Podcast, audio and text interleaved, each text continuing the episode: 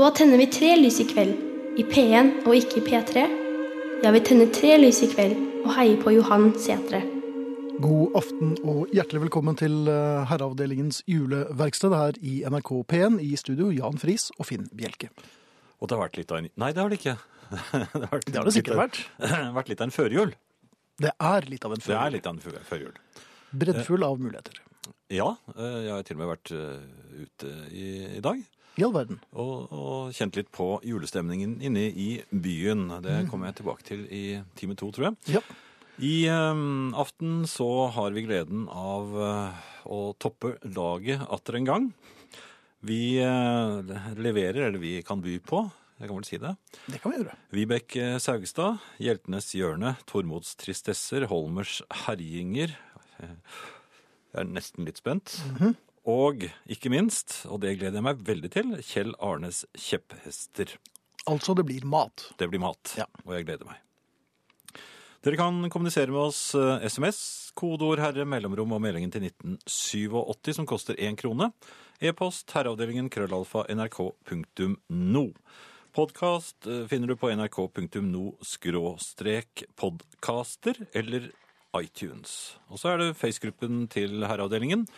Der er det relativt stor eh, aktivitet nå. Det er, skyldes ikke minst at Eirik, vår produsent, er eh, inne der med filmsnutter og mye annet eh, juleknask. Kan jeg si det? Ja, jeg sa det. Ja. Ja, eh, da tror jeg Spilleradioen, tok du den? Ja. Ja, jo, spilleradioen finner dere på, på jule-NRK.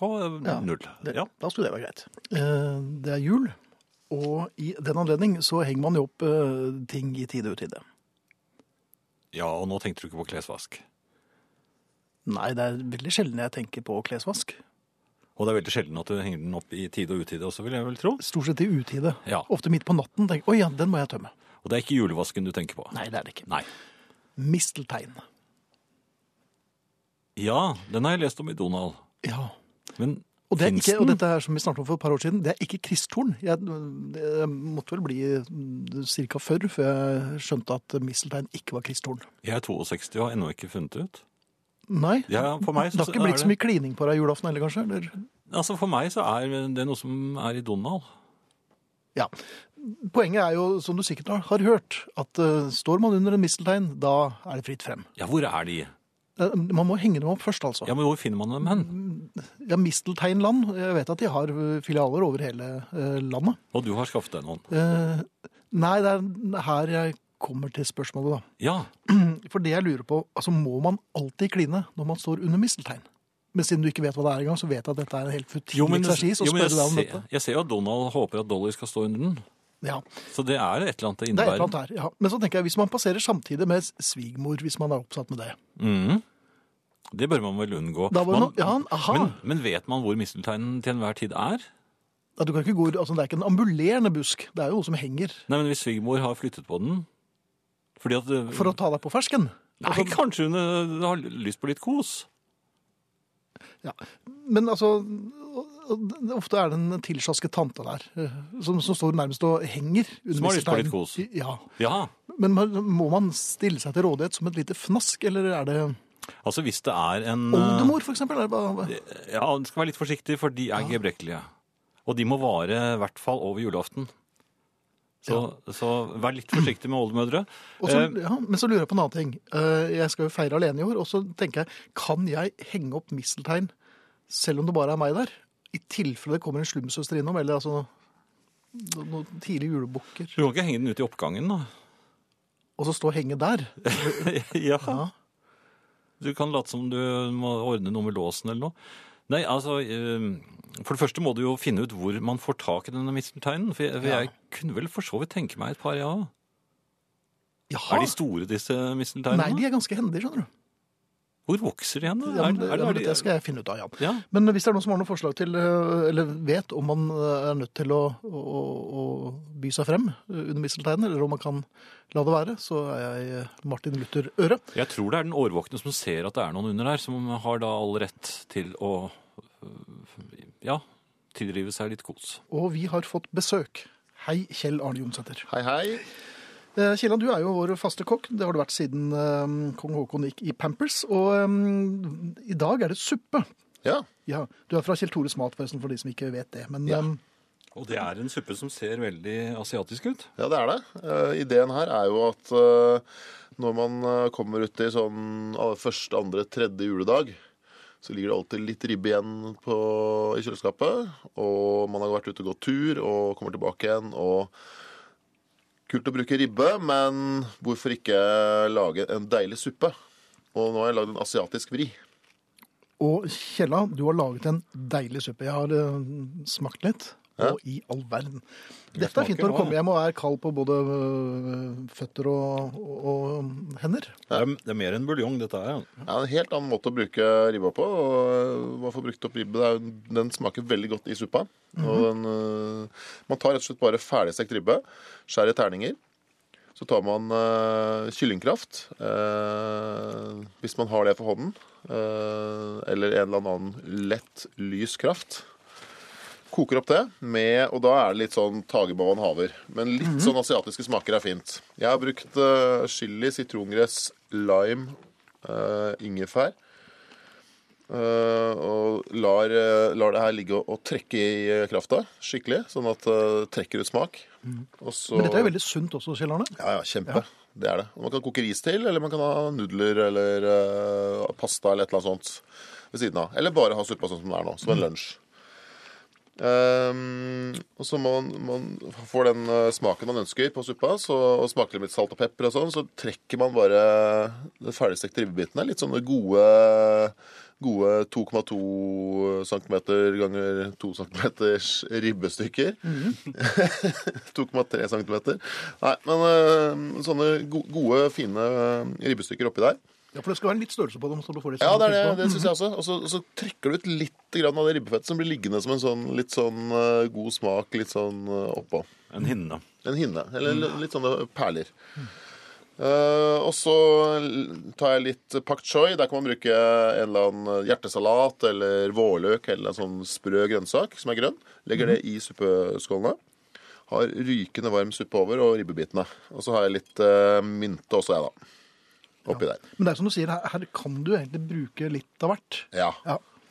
Kan bruke tørkede krydder også. Det er ikke noe problem. Ja, for de fleste av oss har jo i hvert fall det. Det er ikke alltid i romjulen man har alt av eh, Det er nettopp det, og, og sånn. hvor man befinner seg i landet og, og sånne ting òg. Så det er ikke alltid man har tilgang på alle de tingene. Da er det bare å bruke det man har. Det her blir godt. Men Så må har jeg ikke lagt en drepe liten kraften, lime da. hm? Må ikke drepe kraften med for mye heller. Nei, det er det også. Det har jeg vært litt forsiktig med òg. Så jeg har ikke brukt, ikke brukt veldig mye chili, syns jeg. For da jeg vil ha igjen smaken av ribba. Så Den er jo hjertelig til stede her. ja.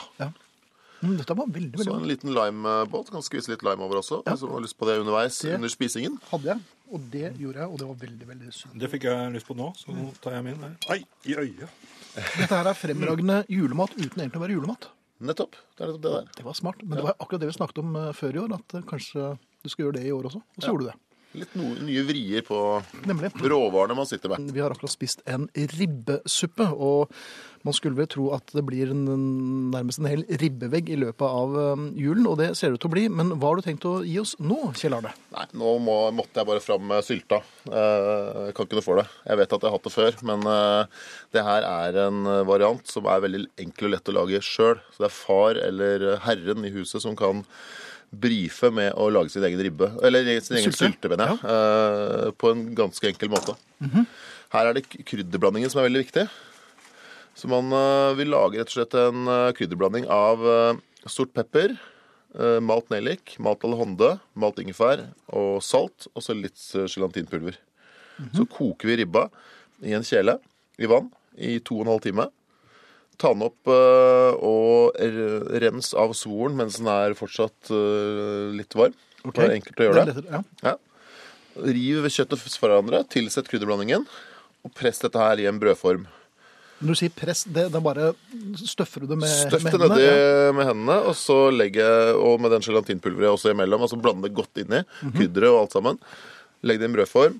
Legg noe hardt, tungt oppå, en uh, liter melk eller noe sånt, og så la det stå på, i kjøleskapet. Er det ferdig da? Ja. Hvor lenge skal har det stå i kjøleskapet? Den dere sitter med nå er lagd nøyaktig på den måten. Jeg har alltid lurt på hvordan det henger sammen. Ja. Nei, la den gjerne stå et par dager.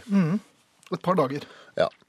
Og så eh, er det jo fantastisk da å spise sin egen sylte Ja, Det er litt tøft. i romjula eller på Ja, nå jo din, første juledagsfrokost. Ja, nå spiser vi din ja. sylte, vi da. Det gjør dere. Men du, et spørsmål eh, fra en eh, lytter her. Ja. Som har brukt kvelden på å krydre og klargjøre den første ribben. Koselig juledugnad akkompagnert av juleøl og gårsdagens juleverksted. Jeg har et spørsmål til mateksperten. Aluminiumsfolien har en matt og en blank side. Hva er riktig bruk? Eh, Den blanke må jo være ut, som reflekterer varmen hvis man skal steke i ovnen og sånt. Matt inn, blank ut. Er det det? Jeg, har alltid lurt, så jeg har variert litt. ja, det. Jepp, vi sier bare det. Dette var en helt fremragende sylte, herr. Mm. Så hyggelig. Og, og tør jeg si det, den er nesten litt sånn mager. Den er, mm. Men det er uh, men likevel så er det masse smak i den. For at, eh, er Du kjenner hvor helt- humøren er, og hvor, hvor god den hvor lenge har du hatt den? Denne lå et par dager i kjøleskapet? Eller har den ligget lenger? Ja. Nei, Den her har ligget uh, tre dager i kjøleskapet. Ut av formen, og så skjærer gode, tjukke, gode skiver med hva- lefse. Hva er det der eh, i enden som jeg alltid pleier å skjære Det er svoren. Altså, jeg- man kan da legge svoren, for det gjør at den holder seg saftig. Så man legger en side med svor nederst i brødform, bare skjærer til med en kniv. Legger eh, alt dette kjøttet oppå. Legger svor på toppen. For det, det, det kastet alltid jeg da jeg var liten. Ja, men det kan, det kan man velge. Det kan man bare skjære av også. Eh, Når man har sitt står med sin ferdige, fantastiske sylte, så kan man skjære av den. Dette var ordentlig julemat. Er det mer? Og så har du noe Dette er jo flatt brød. Ja, her er det også en Altså lage Tenk på å kunne lage sitt eget flatbrød hjemme. Ja. Er ikke det kult? Er det, er det bare å gjøre? Ja. Du lager en deig på hvetemel, rugmel, byggemel og salt og litt vann, rett og slett. That's it. Tar eltekroken i maskinen og elter, eh, elter det. Og så er det da haugevis av tusen husstander som har pastamaskin innerst i Det har jeg også. Ja, som ikke har vært brukt siden slutten av 80-tallet. eller sånn. Fram med pastamaskinen, så kjevler du deigen på pastamaskinen. Mhm. Tynt. Og så steker eh, man Enten har, hvis man har en takke, da. Hvis man tar til takke med det. Eh, eller eh, så kan man bare bruke en eh, stekepanne. Tørr stekepanne. Ikke noe olje, ikke noe smør. Bare Ok. tørr stekepanne, ganske varm. Så steker du, tørrsteker du eh, flatbrød på den. Men hvor, hvor lenge steker man altså? Det ser du når det begynner å bli gyllenbrunt på den siden, så snur du den, så steker på andre siden. Og da bulker den seg litt opp, og det blir okay. sånn som det er, sånn blir. Men er, det van, er den vanskelig å snu?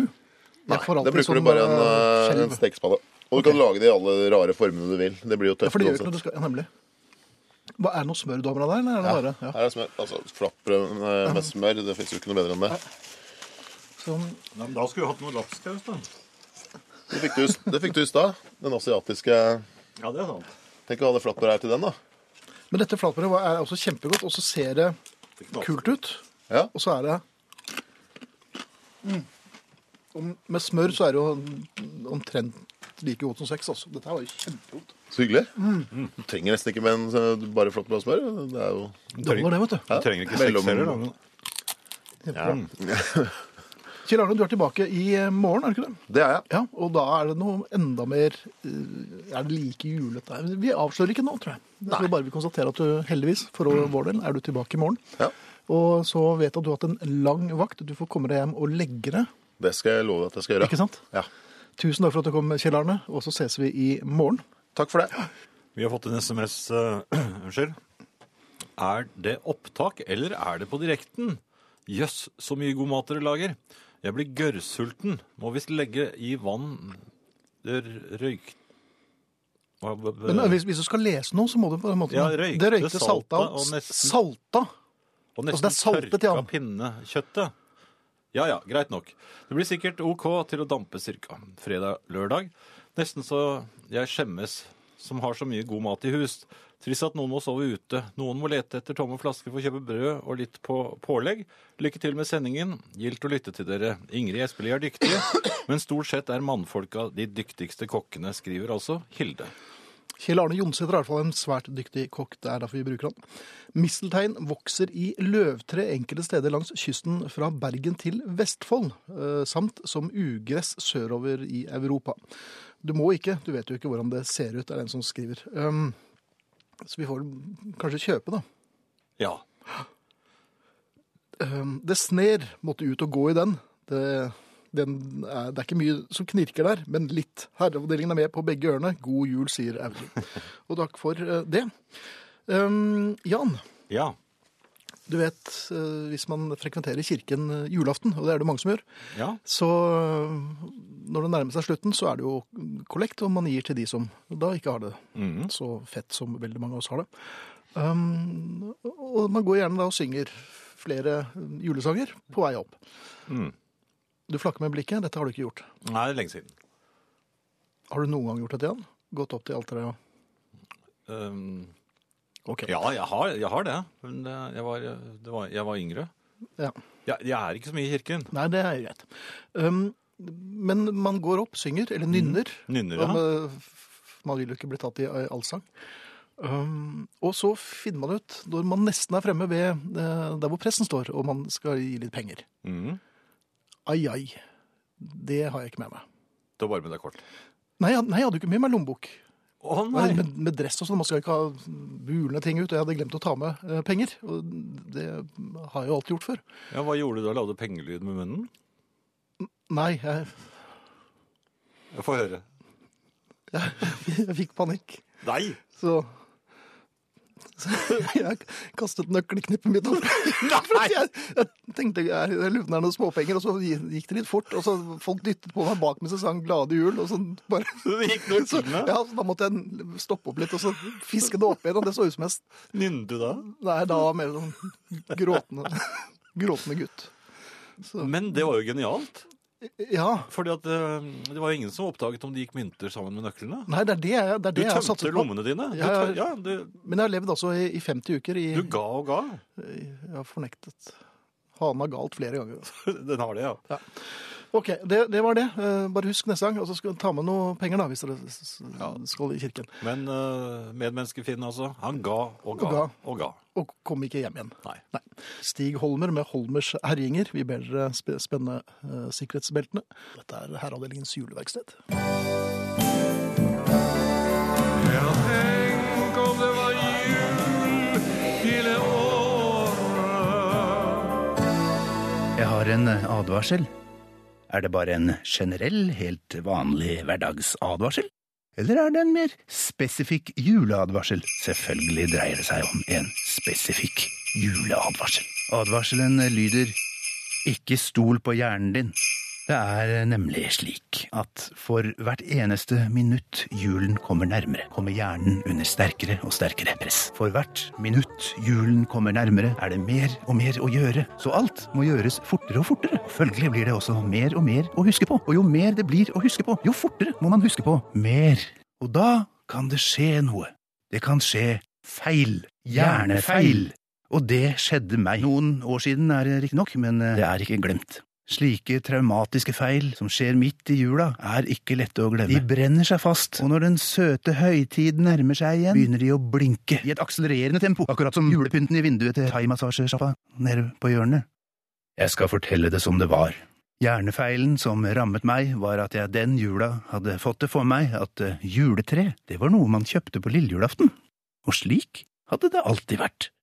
Derfor, etter en litt sein lillejulaftensfrokost, litt takvask og sølvpuss, la jeg merke til at det begynte å bli eh, mørkt utafor, og tenkte da følgelig at det var på høy tid å dra ut for å handle juletre.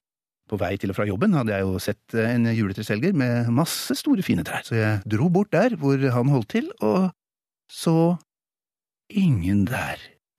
Ingen juletreselger, ingen kunder, og heller ikke et eneste juletre.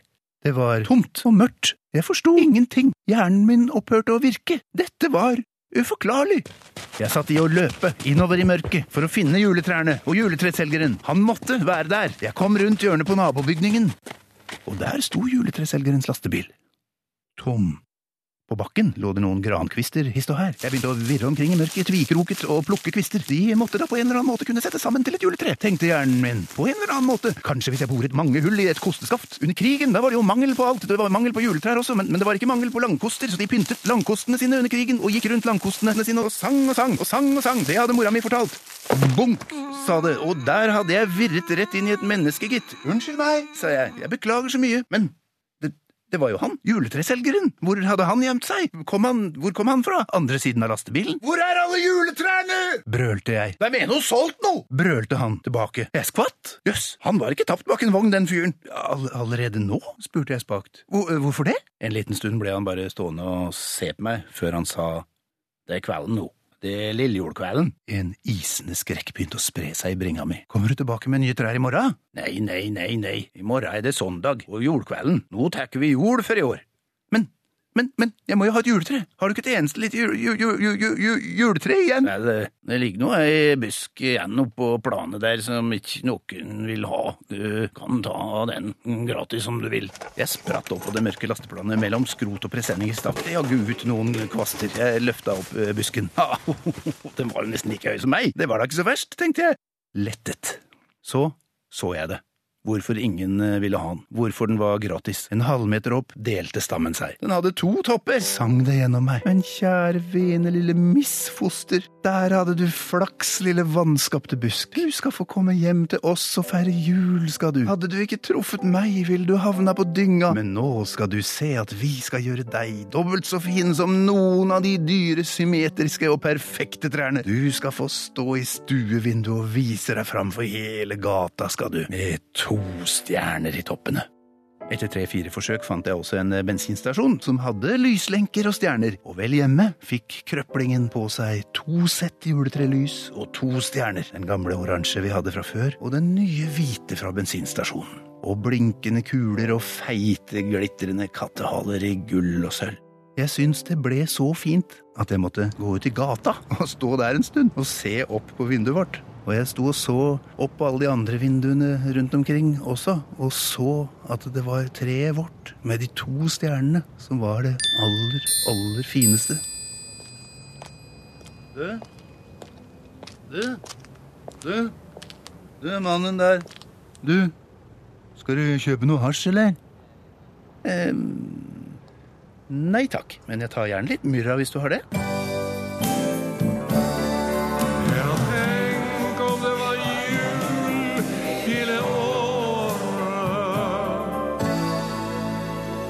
Er mange som eh, sender oss e-poster og SMS. Det er vi veldig glad for. Vi har fått en eh, SMS her med bilde. En uh, herre i sin beste alder som driver og pakker inn, og så står det under Vi pakker inn gaver og skriver julekort og prøver å finne julefred. Hadde bare én flaske på deling, så pulsen er litt høy.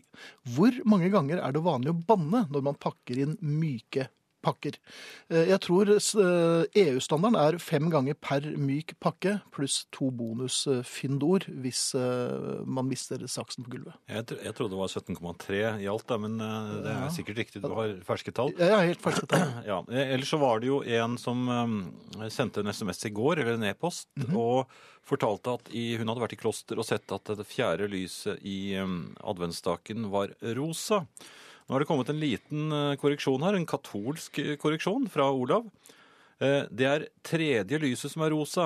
Tredje søndag i advent skal vi glede oss over tiden som kommer, noe som også presiseres i denne søndagens tekstlesning. Takker ellers for opplysende og artig program med flere tema egnet til eftertanke og refleksjon. Er det snakker han om vårt program? Det er jo... Ja, det, er i hvert fall i så, så fall helt nytt for oss, men vi blir jo veldig glad når det er noen som har det slik. Tusen takk, Olav. Tusen takk, Olav.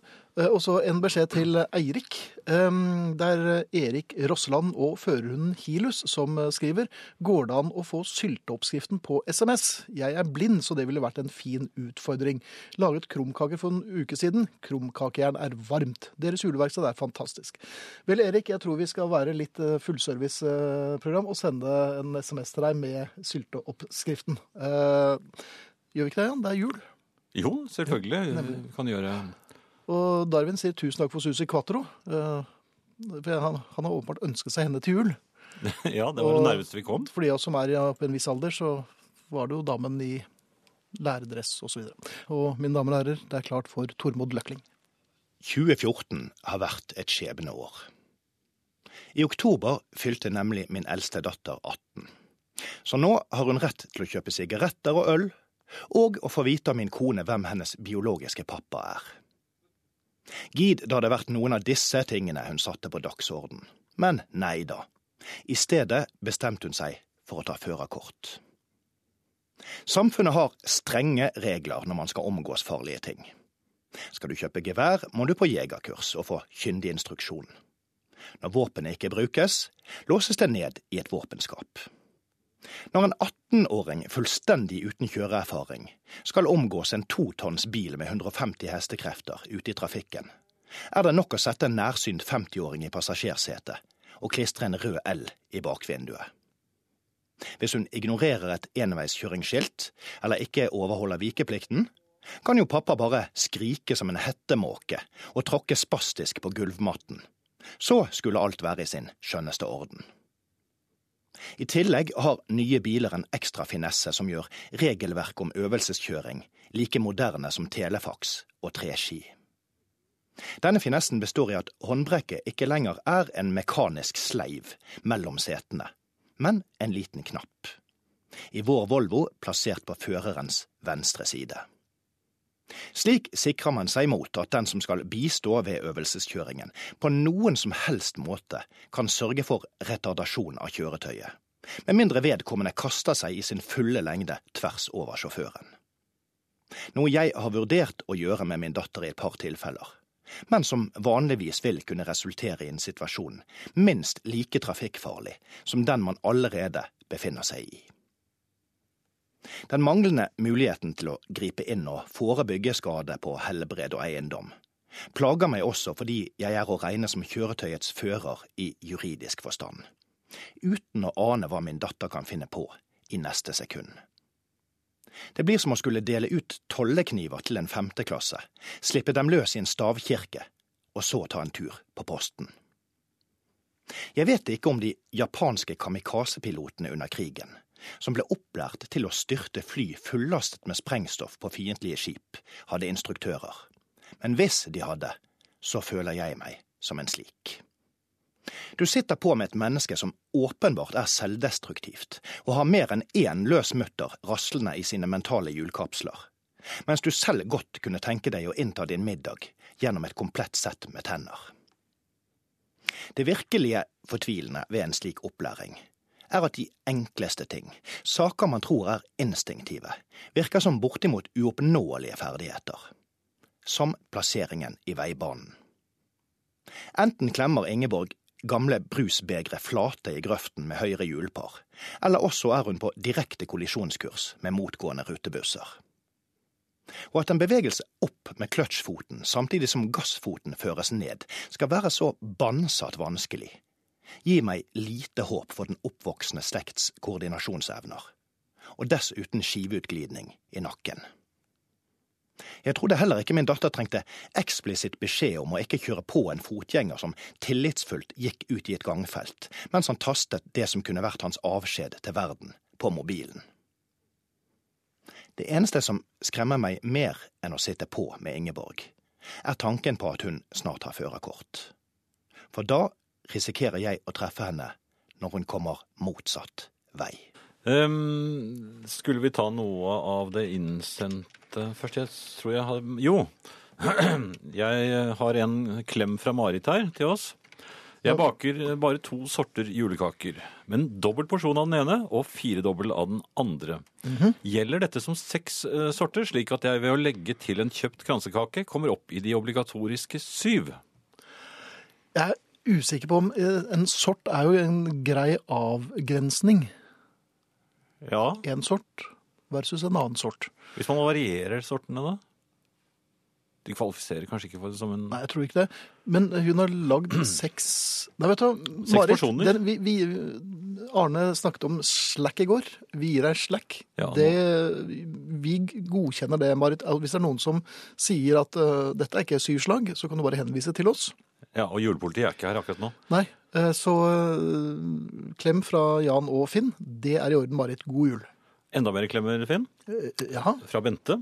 hei. Da jeg fikk høre dere skulle ha to timers sending hver kveld denne uken, var jeg først litt skuffet.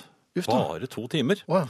Har nå endret mening. To timer holder lenge, da mavemusklene allerede er ømme. Takk for hyggelige kvelder med mye latter. Klem fra Bente, altså. Eh, Og Bente, eh, latteren er vår eh, gave til deg, for vi har rett og slett ikke rukket å få kjøpt noe. Nei, Nei. Det, jeg klarte faktisk i dag. Har du kjøpt noe i dag? jeg måtte snike meg ut. Det, og klarte det. Lite grann. Um, Husker du i en av bøkene våre så skrev jeg om da jeg skulle ut og kjøpe undertøy til Ja, jeg var ikke der. Nei. Det skal jeg aldri Nei, det skal jeg aldri jeg heller. Jeg, da jeg måtte kjenne på de, Ferdig nå! de er så frimodige, disse som er det. betjener der. Da jeg ikke visste den, hva slags. BH-størrelse kone- derimot, ja. Over til deg, Men, Jan. men det var jo ja. Eh, Jeg hoppet en meter i ren skrekk hver gang eh, jinglen med Jens Bukk Jensen kommer. Puslespillbrikkene fyker veggimellom. Hadde det vært mulig med en advarsel, skriver Anne fra Torsnes. Der var det ingen klemmer. Hun er litt skvetten, hun. Ja, når bukken kommer, så er det julebukken, som vi kaller den. Um, Da ryker puslespillet. Det er vanlig, det. Det er jul.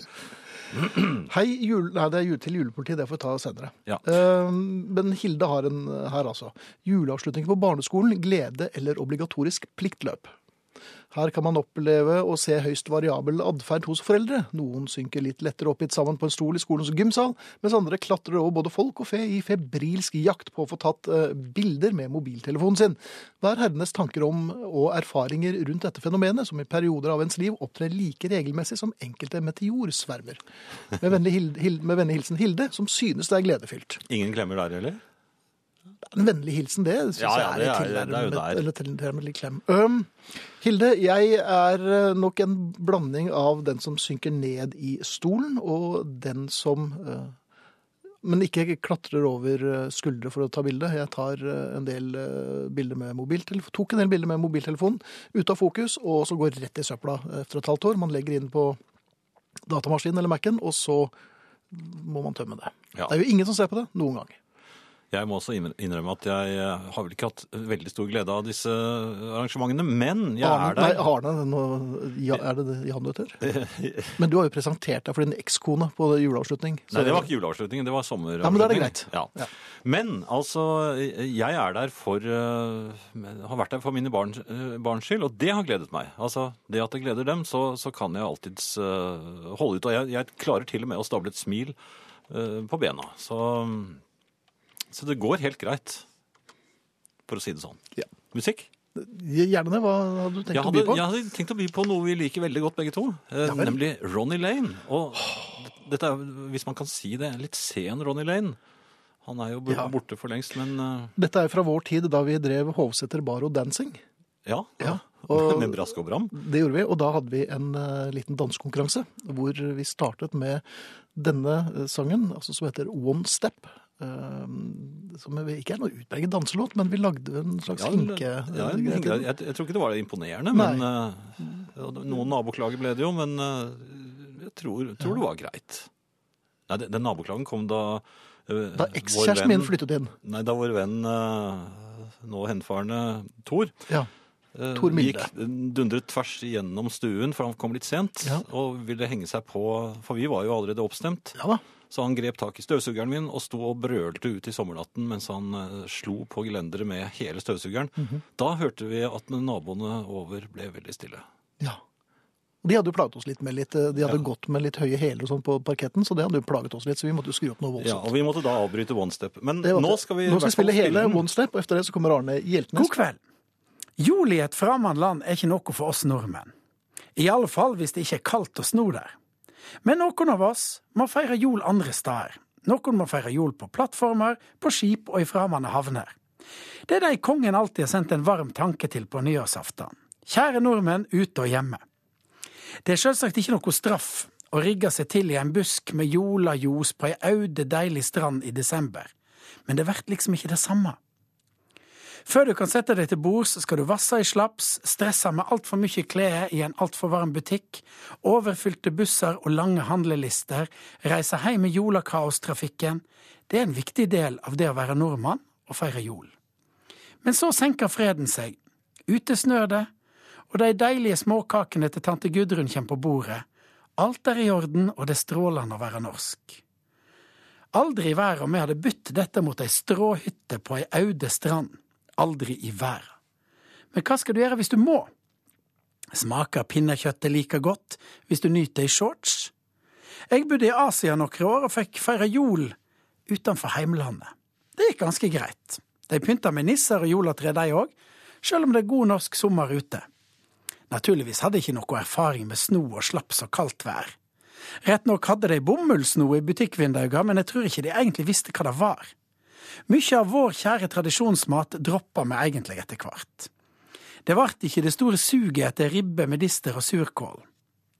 Jeg var da sendt ut for å fremje norsk fisk og tenkte jeg skulle slå et slag for norske mattradisjoner. I Singapore har de hvert år i november en stor lutefiskmiddag. I årevis har Ingrid Espelid Hovik vært heidersgjesten der. Siden jeg er veldig glad i lutefisk, fikk jeg den geniale ideen at det skulle være den nye lutefiskelskeren som verva medlemmer i Asia. Jeg avtaler med Ingrid at hun skulle være med meg til Hongkong etter at hun hadde vært i Singapore. Fiskehandler Frank i Singapore skaffa 25 kilo lutefisk. Ingrid og jeg trilla fire isoporkasser med lutefisk gjennom tollen på flyplassen i Hongkong. Jeg må innrømme at jeg satt hele veien og lurte på hva jeg skulle si dersom tollerne ville se i kassene. Men heldigvis så de bare med dovne blikk på oss da vi skyssa kassene gjennom. Truleg var det nok det avvæpnende og sjarmerende smilet til Ingrid som gjorde at det ikke brydde seg. Til den store lutefiskmiddagen hadde jeg invitert et tjuetall kinesiske fiskeimportører som var godt kjente med norsk laks, kveite og kamskjell, men ukjente med lutefisken. Men de var vane med at når Norge inviterer på middag, så var det som regel god sushi eller andre nydelige delikatesser fra det kalde, klare havet vårt. I Hongkong var det 28 varmegrader, på bordet sto det flasker med norsk akevitt, inn kom kelnere med tallerken med et stort stykke dissende fisk, så kom de og la et berg med ertestuing og en haug med poteter på tallerken. Det vart litt for mye for dem. De liker små, lekre retter, er ikke veldig store på poteter, og ertestuing er ikke noe særlig vanlig. Ingrid gjorde stor suksess. En av gjestene, Eddie Chan, satt med armen kring Ingrid og sa I don't think this jellyfish will be very big in Hong Kong, but your ladies are nice, and the Norwegian tequila was very good. Så hvis du skal ut i verden, la lutefisken være hjemme. Den kan heller være ei overrasking for de som kommer hit, men ta med deg akevitt. God jul. Det raser inn med SMS-er og sånn, Jan. Skal bare ta et par stykker før du jeg vet du har noe på hjertet. Um, stor juleklem til gutta i studio og øvrige som sender flott program. Sneklem fra Liv på Knausen i Drammen. Takk for det, Liv. I like måte god jul til deg også. Um, og så ja, er det dem? Sne, sneklem? Og overbetjent. Hva er en sneklem? Den er kald, men uh, behersket. Ja, hva har det i, i julepolitiets avdeling å gjøre? Å, unnskyld. Ja. Ja. Nei, men da er det bare å øh, beklage så meget og si hjertelig velkommen. øh, Eller i hvert fall velkommen til, øh, til dem og, og deres etat. Å, jeg tar det ganske lett, det der. Eh, vi har eh, fått en eh, e-post her som eh, er fra en som kaller seg for meg. Eh, det- Altså dem? Nei, altså ikke meg, men eh, kanskje det er Meg, for alt jeg vet. Julepolitiet, hva er reglene for hvordan pakker skal åpnes med papir osv.? Er det lov å rive febrilsk av, eller må det gjøres på en rolig og eh, kontrollert måte? Og Ja. her er jo svaret at man som voksen selvfølgelig eh, tar papiret på en eh, svært behersket eh, måte, Jaha. og uttrykker stor glede når man da begynner å ane hva som er inne i Hva som er gaven, rett og slett. Ja. Går man Men- bort og klemmer gavegiveren? Det gjør man. Ja vel? Ja, det gjør man. Man, eh, man gjør det på en slik måte at eh, det kun er én person som eh, til enhver tid pakker opp sin gave. De andre må sitte pent og, og, og se på. Ofte er du jo en av de i den yngre garden, og det er ikke alle som er like lesekyndige, så det hender jo at det tar litt tid. Ja, man har en oppleser. Ja, men det er det jeg sier, men er det noen aldersgrense der? På oppleseren? Ja, På oppleseren, ja. ja, det er en voksen. Vi skal ikke, vi skal ikke ha innblandet eh, mindreårige i, i den øvelsen. På barnas dag. På, jo, jo, men eh, barna har mer enn nok med å åpne gavene. Og der Og kan man med Ja, det er tindring. Tindring, ja. Og, og små barnehender, og det er lov til å rive. Ja, ja de har jo det. Og ja, har du sett barn med st- store barnehender noen gang? Alt i orden, betjent. Ja. Eh, De har eh, selvfølgelig lov til å rive papiret av, eh, så febrilsk de bare vil. Men de voksne altså behersket, og man pak eh, bretter da papiret på en slik måte at det tar veldig lite plass etterpå. Eh, Nå over til eh, Med mindre jeg mener av- da bestemte var en til. Jo, min samboer har nordnorsk eh, Tyst på dem, Bjelke. Min samboer har Tyss? Hysjet de? Rett før jul? Ja, men altså, Etaten har man lov til å ha litt skarpe kanter. Min samboer har nordnorske aner. Hun har innviet meg i en for meg absurd vane. Hun og hennes nordnorske miljø spiser risgrøt fra flat tallerken. Jeg ber om julepolitiets kjennelse på uh, at grøt skal spises fra dyp tallerken, så vi får saken ut av verden, skriver Anders. Og Anders, selvfølgelig spiser man julegrøten sin fra dyp grøttallerken, ikke fra en flat tallerken. Det må ha vært veldig små porsjoner man spiste i Nord-Norge i gamle dager. og Det må være en slik skikk. Det må være. Er, er man på gyngende grunn her òg? Vet man ikke det? Jeg trodde julepolitiet hadde full oversikt over Nei, Julepolitiet konsentrerer seg jo om de mer befolkede områdene av eh, landet, og vi har ikke kapasitet til å reise over, eh, over det hele. Men det virker jo på meg som om julepolitiet kun eh, er opptatt av det som skjer på det sentrale Østland. Det er eh, ondsinnet snakk. Men ganske presist. Ja. Ja. Eh, ja, men altså, det betyr ikke at det er korrekt. Eller betyr det det da? Når det er presist, betyr det nok at det er ganske korrekt. Ja, men da lurte de meg igjen, Bjelke. Ja. nå må de eh, slutte med det. Da jeg med det. Nå over til budene. Jul, Ja. Julepolitiets ti bud. Vi er kommet til Hysj på dem. Vi er kommet til bud nummer fem og seks. Det vanskelige budet. Oi! Ja, det vanskelige budet. Mange mener det, og øh, det gjelder jo selvfølgelig julemiddagen. Ja. Eh, En ekte og god og tradisjonell julemiddag består ikke av gnagekost, såkalt pinnekjøtt.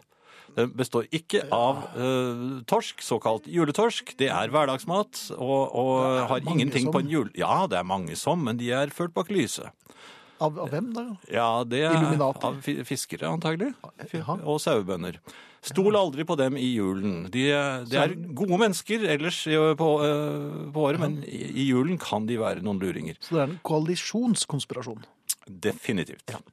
Så det vi, vi da sier i julepolitiet, som bør være den korrekte, og som er den korrekte julekosten, det er altså ribbe. ribbe, eventuelt svinestek, tillates også. Og det er eh, medisterkaker, medisterpølser og da selvfølgelig tilbehør, kokte poteter og den slags. Og til dessert selvfølgelig riskrem, eller det er dispensasjon for det. Dispensasjon? Multekrem. Nei, det er jeg imot. Ja, det må de være som jeg vil. Men det er noe slik reglene er. Ja. Eh, og svor. Svoren er usedvanlig viktig, og der kommer vi til å foreta en del stikkprøver i, i, på julaften. Den skal være sprø. Altså bløt svor gir kraftige bøter. eh, mer enn fem- ikke mene. men det- 25 av, eh, Hvis 25 av eh, ribben er, har bløt svor, så er det, slår vi meget hardt ned på det. Da kommer vi til å ta med oss den sprø svoren, så kan de bare sitte der. Og familiens førstefødte? Medfører dette riktighet? At Nei, de- det, det var før. Det, det har vi sluttet med. Ja, men var det på sent vi, det ble en del, 80-tall? nei, vi fikk en del problemer der med en del andre etater. Så Ja. det har vi sluttet helt med, det kan jeg love. Og utsetting i skog også er Ja. nesten helt borte. Ok. Ja. Eh, over til nummer seks, juleheftene. Ja, det Der er hyggelig. er det lovløse tilstander. Jeg tok en stikkprøve nå her i, i, i dag ettermiddag. Jaha. Det bugner av julehefter. Det, det, det, jeg vet ikke hva som ikke nå kaller seg for julehefter. Og her er reglene helt klare. Knoll og Tott er, er juleheftet. Mm julehefte. Finnbekk og Fia, Stumperud, Blondie, Vangsgutane, Smørbukk, Nils og Blåmann og ingeniør Knut Berg på Ja, eventyr. Vi tillater det.